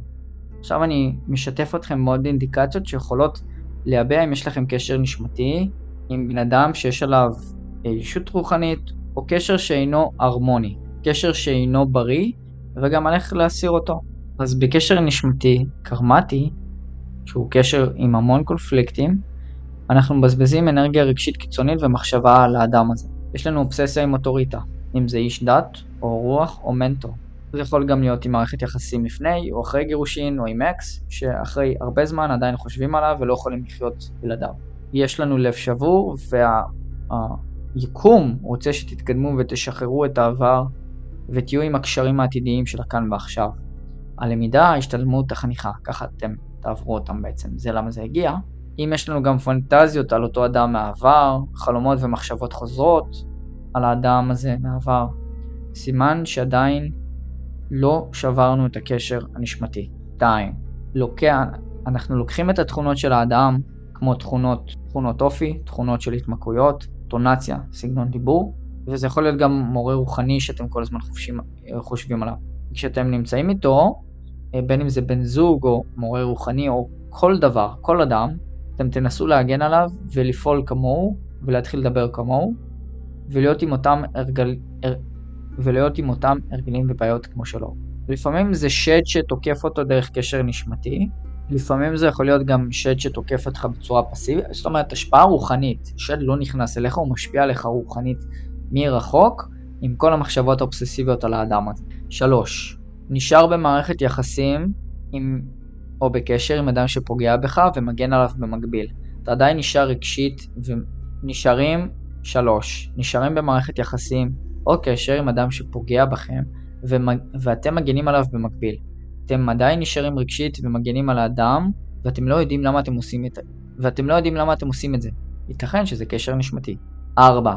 שומרים אובייקטים מהאדם ולא נפטרים או זורקים אותם. מתנות, תמונות, זיכרונות וכו'. לאנשים עם קשר נשמתי מאתגר להיפטר ממתנות עם אדם שהיה איתו קשר נשמתי. ויש לכם תחושת חרדה על אנשים שהזהירו אתכם, על דברים שעשיתם ואתם מרגישים חרדה, על אנשים שהוליכו אתכם שולל או שיקרו לכם. אז בשביל להסיר קשר קרמטי, שזה קשר שיש לנו קונפליקטים עם מישהו, קשר נשמתי או קשר רוחני, אנחנו יכולים לעשות כל מיני דברים. הראשון זה עבודה רוחנית או סדנה, שזה כל מה שדיברנו עד עכשיו. השני זה התפילה שאני שייך לכוחות האור העליוני, מה שאמרתי בחלק 2, וגם פה אני, אצ... אני אציג uh, תפילות נוספות. בעצם גם להתחיל תהליך רוחני, כל בן אדם שיש לו את העניין של הערפדים והשדים, אני ממליץ להתחיל תהליך התפתחות רוחנית, מאוד יכול לעזור. וגם אמונה כלשהי באיזשהו בורא או יצירה, במידה ואתם אתאיסטים. זה מאוד עוזר לרבדים כאלה. ויש לנו קשרים דמונים שדים, קשר של בעל ואישה ולא סקס בין בעל ושדה, או בין אישה לבין שד, אלא סקס בין בני זוג, בעל ואישה. ואני לא מתייחס כאן להומוסקסואליזם ולסביות. במשפחה בדרך כלל יש את הקשרים הקרמטיים, שזה כל הקונפליקטים והריבים, ובן אדם שעושה לכם את הנרקיסיזם. בשביל להוקיר ולהוקיע שדים, וקודם כל להודות בחטא, להפסיק להכחיש את הדבר, הפעולה המינית שעשינו, אם זה צפייה בפורנוגרפיה, אם זה אולי קיימנו יחסי מין עם בעל חיים, אולי אה, עשינו אה, הטרדה למישהו, אולי אנחנו צופים בדברים פורנוגרפיים, אולי בגדנו, כן, זה יכול להיות כל מיני דברים. השני זה ניתוק כבלים אנרגטיים, יש מדיטציה מודרכת גם ביוטיוב וגם אני הולך להפיק דבר כזה, אתם יכולים לחפש. השלישי, לנתק קשר פיזי לחלוטין עם כל מה שקשור לחלק של השד. גם בקשר המשפחתי להפחית חשיפה, אם יש לכם את האדם שאנס או הטריד אתכם, את הקרוב משפחה, אז לנתק איתו קשר ולהפחית חשיפה. להימנע מהשתתפות בטקסים או ריטואלים שיצרו את הקשרים השדנים האלה, את הקשרים הדמונים האלה, אם במידה והשתתפתם. אוקיי, קצת פיזיקה, קצת פיזי. אם יש לכם קורי עכביש בחדר או אבק, הרבה אבק, אז נקו את החדר שמור על ניקיון, לכל רובד פיזי יש רובד רוחני.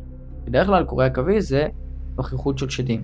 אתם יכולים לקנות מרווה יבשה מחנות תבלינים, ולהאיר את הניחוחות של המרווה בבית, ניקוי של הבית עם מרווה, עם שריפה של מרווה, שמים כוס מים לפני שינה, ליד החדר, ליד הראש, ולסדר את החדר. במידה ויש לכם בלאגן בחדר, יש לנו בלאגן בתודעה.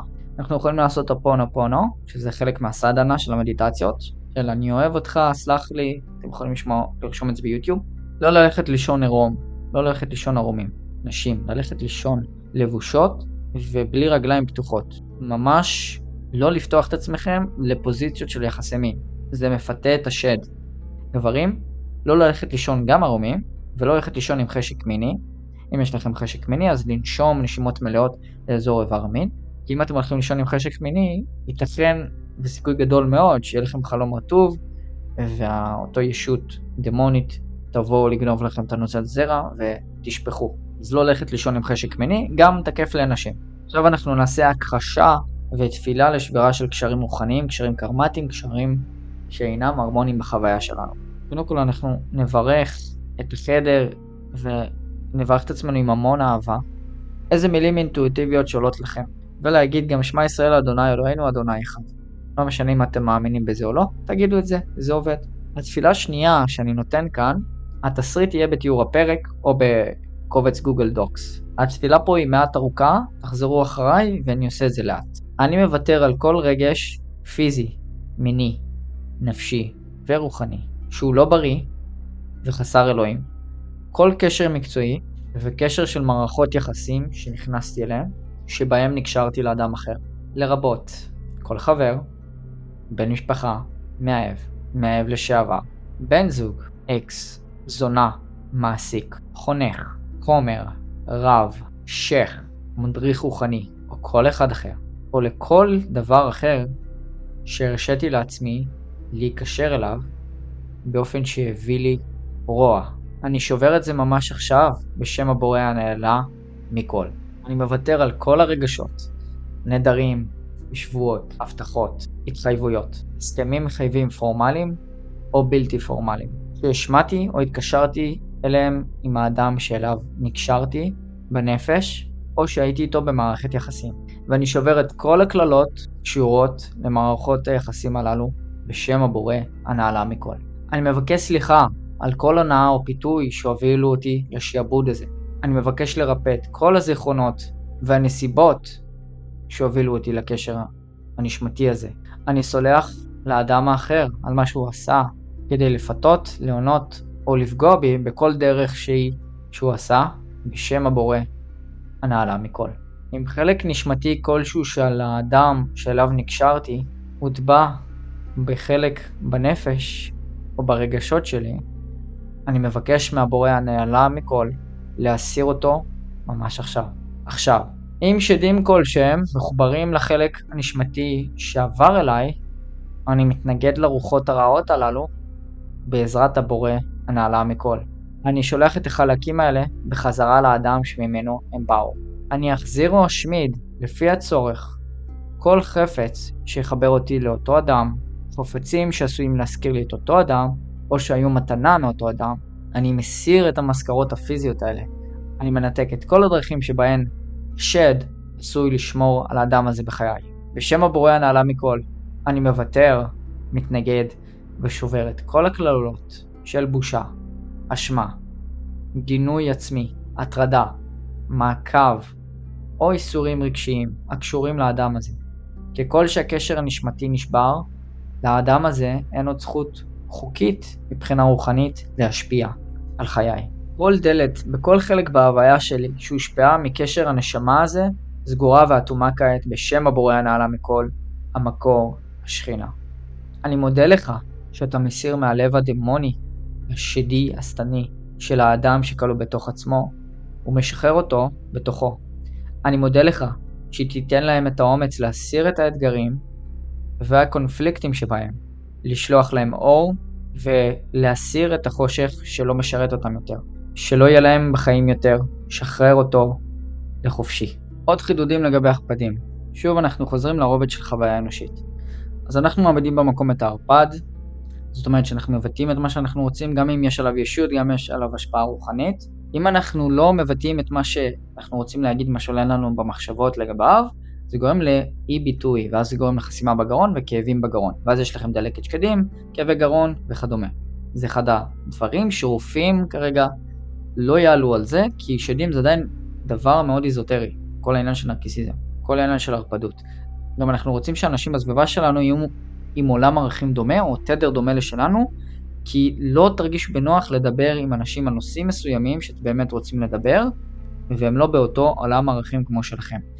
כאן בא לידי ביטוי מודל הספירלות המתקדם, צבעים כחול, ירוק, כן, אם אתם צהובים או ירוקים, יהיה לכם מאוד קשה לדבר עם כתומים, כתומים יהיה להם מאוד קשה לדבר עם צהובים, וכו' וכו' וכו'. כשאנחנו מצמצמים חשיפה, אנחנו לא בורחים אנחנו בעצם נותנים לנו זמן לרפא את הפצע שגורם לחסימה של המחשבות, לטריגר שגורם לנו לשאיבת אנרגיה. נרקיסיזם וישויות דמוניות, שדים, מטרתם היא להשמיד את החיים של הקורבן שמשפיעים עליו ולמי שבסביבה שלו. איפה שיש חולשה אנרגטית זה הטרף. נרקיסיסטים הם שליחים למנוע ממך להגיע לייעוד הנשמתי. ערפדים, ערפדים והשדים שמשפיעים עליהם. זה תמיד שדים שמשפיעים על נרקיסיסטים, בדרך כלל, ועל ערפדי אנרגיה. גם מכאן עוד מילה שמגיעה ערפדות, משד. שדים קנאים במה שחסר, הם נמנעים מאמת, ושקרנים ומכחישים. זה ישויות השדים עצמם, זה האופי שלהם. וככה הם משפיעים על הבן אדם שהוא הקורבן שלהם, שזה בעצם הערפד אנרגיה. עוד משהו שיכול לפתוח uh, כניסה לעולם השדים, ששד יכול uh, להשפיע עליכם, זה שימוש במרחיבי תודעה בצורה לא נכונה, ב set ו settings לא נכון, לכן אם אתם מתכוונים להשתמש במרחיבי תודעה וחומרים כלשהם, תמיד ללכת לאיש מקצוע, מישהו שמבין בזה. אני גם אציג את עצמי במה אני עושה בסוף הפרק, איך אני יכול לסייע.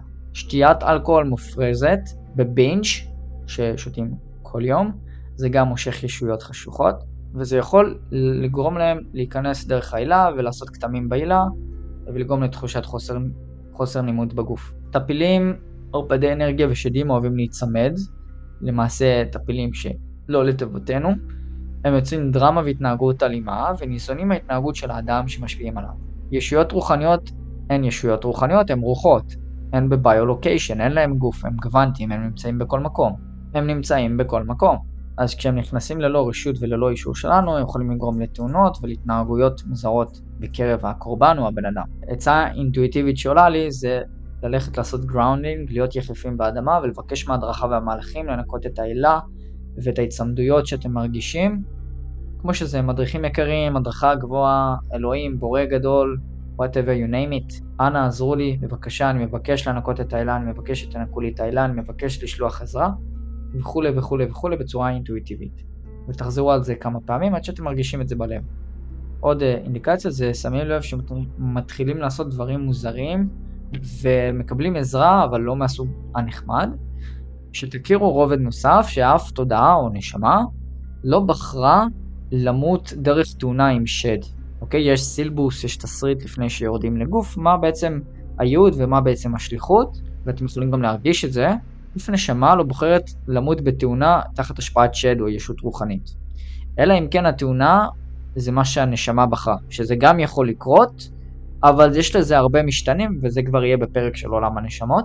אז בעצם בוחרים למות בצורה מסוימת, אבל זה אף פעם לא יהיה תחת השפעת שד, בהפתעה. ועכשיו בסקשן הזה אנחנו ניתן דגש על זוגיות נרקיסיסטית. אדם נרקיסיסט זה בן אדם שמבחינתו כל העולם סובב סביבו. זאת אומרת שהוא יכול להיות בחברה שלמשל ישאלו אותו איזושהי שאלה והוא יחזיר את השאלה לעצמו. וואי, גם לי זה קרה.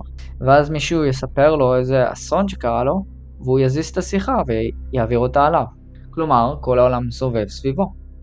וזה לא בא מכוונה רעה, אלא מחוסר מודעות. זאת אומרת שיש ניתוק רגשי רוחני מהתודעה והנשמה עם הגוף הארצי הפיזי. בדרך כלל אנשים נרקיסיסטים הם נראים מאוד טוב, בין אם זה נשים או בין אם זה גברים. אמרו להם הרבה פעמים בילדות ובמהלך החיים שלהם שהם מיוחדים, או שהם היו ילדים יחידים, או שהם ילדים יוצאי דופן. והם גדלו בתחושה שאיך זה יכול להיות שהעולם מתנהל בלי שישימו לב שהם המרכז שלו.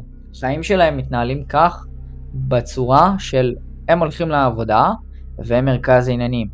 ואם זה לא מתנהל בצורה הזאת, אז הם משליכים השלכות מסוימות כשלא הולך להם משהו. אז במקום לקחת אחריות, השני אשם בריבים עם אחרים, תמיד יהיה צד שלישי, צד ג' שאשם ולא הם.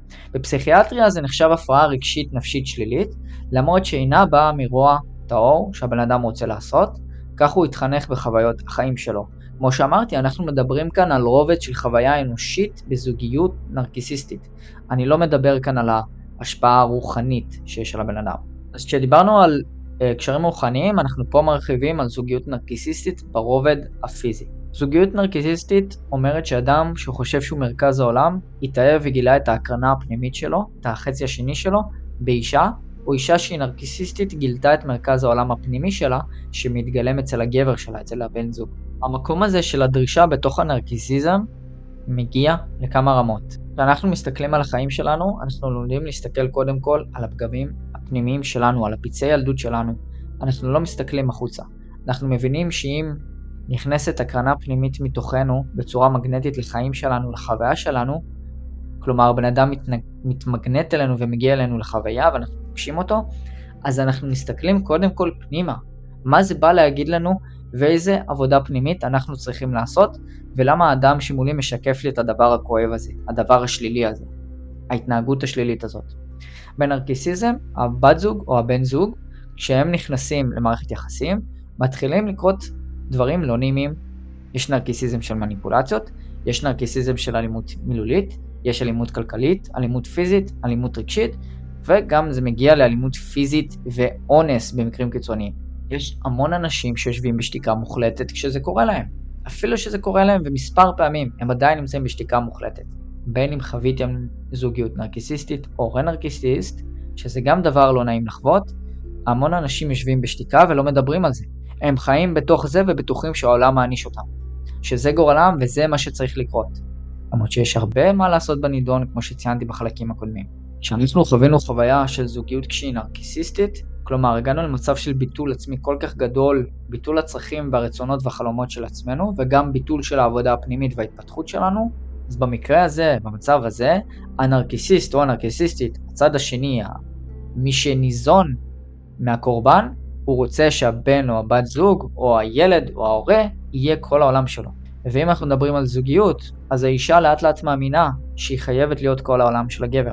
במידה והאישה מגיעה לחופש של החלטה של רק רגע, גם לי יש רצון חופשי, גם לי יש חלומות, גם לי יש צרכים, אני גם רוצה לעשות דברים, וגם לי יש דעה כאן, הנפילת האסימון הזאת קורית במיוחד כשהאדם הקורבן בתחילת, בהתחלה בהתחלה של התפתחות אישית, או רגשית או רוחנית. וזה גם יכול לקרות במהלך תהליך, וזה נכנס לתוך המקום הזוגי הזה.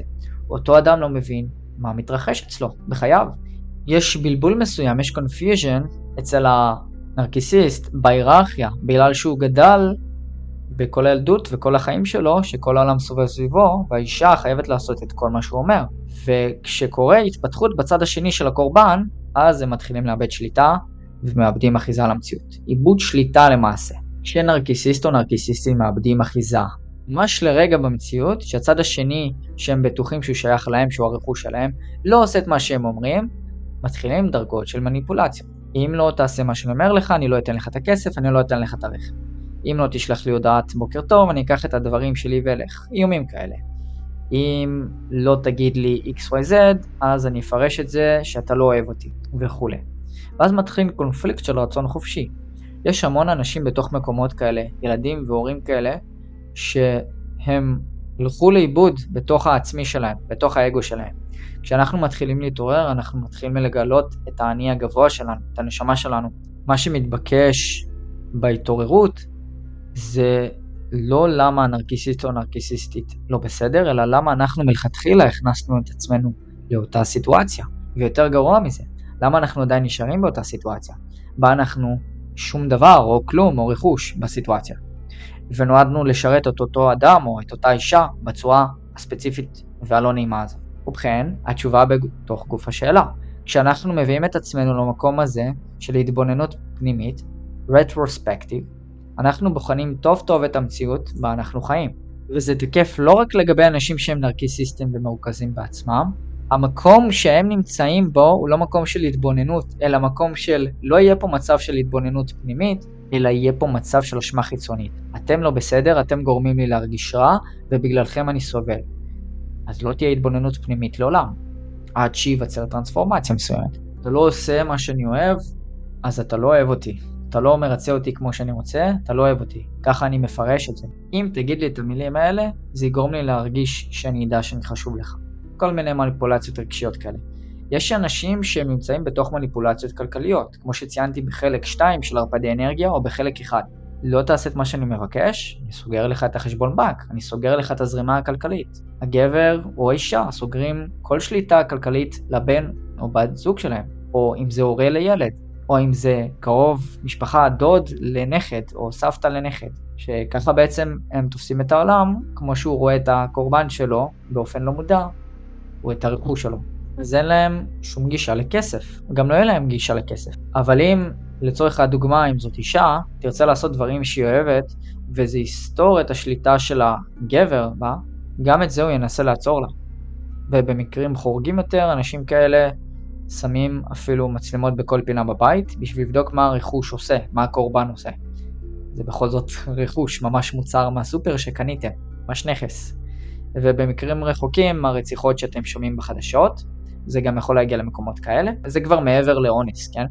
הדרגה הערפדית והדמונית הגבוהה ביותר לפני רציחות ואונס היא האזנות בטלפון. הערפד או הנרקיסיסט חייב לדעת מה הקורבן חושב, מה הוא מרגיש, עם מי הוא מדבר, מה הוא מדבר ועם מי הוא מדבר. כל זה תחת השפעה דמונית כלשהי, אם ההתנהגות מגיעה לקיצונים כאלה כמו אונס, ציטוטים בטלפון, רציחות והטרדות מיניות. זה תקף גם לגבי הילדים, זה תקף לגבי כל דבר שסובב אותם. כי הנרקיסיסטים חייבים להיות בשליטה. אנשים כאלה, אנחנו מבינים שיש כאן הפרעה, לא הרמוני כלל, ואנחנו לא באים במצב האשמה. למה אני בעצם משמש מראה לאדם אחר שנמצא בתוך המרחב שלי? למה מלכתחילה הכנסנו את עצמנו לתוך זוגיות כזאת? למה מלכתחילה בחרנו להיוולד לאבא או אמא נרקיסיסטים? למה מלכתחילה הילד שלנו בחר להיוולד אצלנו, שבטוח שאימא שלו באה לשרת אותו, כלומר לא יכול להיות שום מצב אחר. משמע שהילד עצמו נרקיסיסט. לא משנה כמה ייתנו לילד נרקיסיסט, זה יורד במינוס. לא משנה כמה יביאו לו וכמה ישפיעו עליו, ייתנו לו אהבה ויעריצו אותו, זה אף פעם לא יהיה מספיק. הוא תמיד ירצה עוד ותמיד תהיה תאווה. ההפך הוא הנכון, הילד ירגיש שהוא חייב לקבל את כל התשומת לב ולהיות תמיד מסמר הערב. הנרקיסיזם הוא שואב אנרגיה, כמו שהרבה פעמים אמרתי בחלקים בסדרת הערפדים אה, הזאת. זאת אומרת, כשאתם תגיעו למקום כזה, אתם תרגישו שהאנרגיה שלכם נשאבת מאוד מהר. תת-הכרתי, תת-מודע, כל הזמן צריכים עוד אנרגיה ועוד תשומת לב בשביל להרגיש את הקיום שלהם. זה ההישרדות. ההישרדות זה שאיבת אנרגיה. לא שואב אנרגיה, הוא מבחינתו מת. לחיות ולהרגיש חיים בלי מיוחדות הוא בלתי מתקבל על הדעת לעיני כל נרקיסיסט או ערפד. השאלה היא למה אנחנו הכנסנו את עצמנו לאותן סיטואציות. אם אנחנו שמנו את עצמנו בתוך סיטואציה של זוגיות נרקיסיסטית, או בתור ילד של הורה נרקיסיסט, מה זה אומר עלינו? האם יש לנו איזה שהם נקודות בתוכנו שאנחנו לא רוצים להסתכל עליהן, בתוכנו, בעצמנו? האם יש לנו עבודה פנימית שאנחנו צריכים לעשות ואנחנו פוחדים לעשות אותה?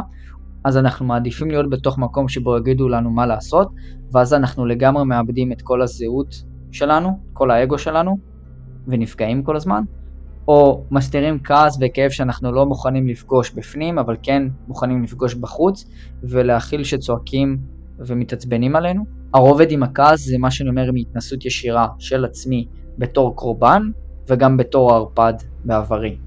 גם אני הייתי ערפד ושואב אנרגיה. יכול להיות שאנשים בתוך זוגיות כזאת מאוד נוח להם בביטול העצמי המוחלט של המהות שלהם, של הזהות שלהם, ואז הם לא צריכים לעשות עבודה. אומרים להם מה לעשות, ולשתוק זה הכי קל. להסתכל פנימה לדברים הכואבים שלנו בתוך האישיות, מה פתאום? והיציאה לחירות מנרקיסיזם מתבטא ב... בין אם זה חוזר בתשובה, או בין אם זה חוזר בשאלה, או בין אם זה לא שומר כשרות, או בין אם זה מתחתן עם מין אחר ממה שההורים רוצים, הומוסקסואליזם ולסביאליזם, או בעצמו מתחיל תהליך התפתחות אישית, התפתחות רגשית, התפתחות רוחנית בזכות עצמו, ועושה עבודה פנימית. אדם שלוקח בחשבון שהוא מקריב כאן משהו שיהיה מאוד לא נוח לסביבה הקרובה ויחווה המון ביקורת מהמשפחה והסביבה הקרובה. ומי מאיתנו לא יקריב משהו מתוך ההתפתחות הרוחנית שלנו, בין אם זה המשפחות שלנו, ילדים שלנו, רכוש, אפילו את עצמנו. איבדנו הרבה זהויות מהאגו שלנו שהם הפצעי ילדות, אנחנו משילים אותם כל יום וכל שבוע, ואנחנו מקריבים כל הזמן. אז uh, תמיד יהיה שלב שנצטרך לעשות צעד מאוד גדול. וכשתגלו מה אתם רוצים לעשות כדי לצאת לחופשי, מה אתם רוצים להיות, ויבואו ויגידו לכם, אוקיי, אתה רוצה להיות זמר, לצורך הדוגמה, השתגעת? אין איזה פרנסה, ייקח לך הרבה זמן, אתה רוצה להיות רופא? מה פתאום? אין לך את המיומנויות לעשות את זה, אתה לא מספיק טוב, או יהיה לך קשה מדי. עורך דין, מקצוע של עורך דין יהיה לך מאוד טוב. אני הייתי עורך דין וזה הביא לי הרבה כסף. אז ילדים מקשיבים להורים, עושים תואר, עושים קורס שהם לא רוצים, שהם לא אוהבים, ואז חווים תסכול שהם לא באמת אהבו את זה. ובסוף, לפתע הילדים אומרים, מספיק, אני בכלל רוצה להיות זמר, ואז ההורים, אם זה נרקסיסטים, מתחילים לאבד אחיזה. רק רגע, אתה הקניין שלי, אתה הרכוש שלי, אני הולדתי אותך, אתה מהזרע שלי, אתה מהרחם שלי. זאת אומרת, אין לך זהות ורצון חופשי. מה שאני אגיד לך זה הכי נכון והכי צודק עבורך ולא מה שאתה חושב, כי אני יודע יותר טוב ממך, אתה שייך לי. זה כמו שחייל בצבא יחלק פקודות למפקד שלו. מה פתאום אתה מחלק פקודות? אתה חייל, אתה תחת חסותי. ככה הם רואים את המציאות, זאת התפיסת מציאות שלהם. מבחינת נרקיסיסטם, זה או זה או זה. או שאתה רכוש, או שאין לך תודעה ואין לך רצונות ואין לך חלומות, אין לך זהות, אין לך אישיות, ואתה לא אמור לעשות שום דבר חוץ מלהיות חייל ולציית לפקודות ולשרת אותי. ככה נרקיסיסטים רואים את המציאות, באופן אבסולוטי. כמה מילות סיום חשובות על הסדרת פרקים הזאת של הרפדי אנרגיה. שימו לב להתנהגות אצלכם. אם אתם מרכלים או מדברים רעות על אחרים מאחורי הגב, אף אדם לא מושלם, לכל אדם יש מגרעות ופגמים, וכאן מתקיים סייג לחוכמה שתיקה. עדיף לשתוק בשקט, בדממה, כשאתם עם אנשים, מאשר לשוחח רעות ושליליות באופן כללי. הימנעו מלגרום לאדם אחר להיכנס לוויכוח או סכסוך עם אדם אחר, כלומר לא לסכסך, ומכאן אפשר רק להשתפר כשאתם שותקים ואתם מודעים למחשבות ולפעולות שלכם. אולי אפילו עם ההורים שלנו תמיד שיהיה ספירלה נמוכה יותר, אנחנו כילדים תמיד נהיה ספירלה גבוהה יותר, ועולם הערכים שלנו ועולם הערכים של ההורה הם יסתרו אחד את השני, וכאן יכול להתבסס נרקיסיזם, כי ההורה, נניח אם ההורה נרקיסיסט, אז ההורה תופס את המציאות בצורה כחולה, ואנחנו תופסים את המציאות בצורה כתומה או ירוקה, וזה מאבד את האחיזה. הורים מבוגרים, ובמיוחד הורים מבוגרים, אי אפשר לשנות את התפיסה. אנחנו יכולים להוות עבורם השראה, אבל כן נשים גבולות ונראה איך אנחנו דואגים לעצמנו להרגיש טוב ובהרמוניה איתם. אז איך אתם מתמודדים עם הנרקיסיסטים כרגע, עם הערפדים? האם יצא לכם לחוות? מוזמנים לשתף אותי בתגובות. למען האמת ספוטיפיי לא נותן לי להגיב לכם בתגובות, אז כתבו לי באינסטגרם או בפייסבוק ואענה לכם. ואני רוצה גם להציג את השיטות ריפוי שאני עושה. אז אני עושה עזרה בריפוי ושדים והכוונה לדיבוקים. זאת אומרת, אה, אני יכול אה, לרפא קשר קרמטי מול הנרקיסיסט וגם אה, הסרת כישופים ושדים. אני עושה בעצם הדרכה רוחנית בפן הפיזי, מנטלי, רגשי, רוחני, גם כושר, גם תזונה. ביניהם עבודת אנרגיה ועליית קונדליני, שחזור גלגולים ותקשור עם תודעת העל, שטיפה אנרגטית, עבודת צללים, רפואה שמאנית, access bars, רגרסיות לילדות ועוד, וגם מפגש עם מדריכים רוחניים. אז אם יש לכם אתגרים או קונפליקטים, אתם מוזמנים לפנות אליי, לראות אם אני יכול לסייע לכם בצורה כלשהי, בשמחה רבה. תודה רבה לכם על כל ההאזנה לכל הסדרה של השלוש פרקים. תודה על היותכם ערים ועל ההתעוררות הרוחנית שלכם, עובדי אור. אתם תורמים ותומכים באנושות. אתם מוזמנים ללחוץ על הכפתור לעקוב של הספוטיפיי לפרקים הבאים שיעלו, וקרדיט כמובן למשחק האינטרנטי BiteFight על התמונה של הסדרת פרקים של הפודקאסט על ערפדי אנרגיה. תודה רבה ושיהיה לנו התעלות רוחנית נעימה.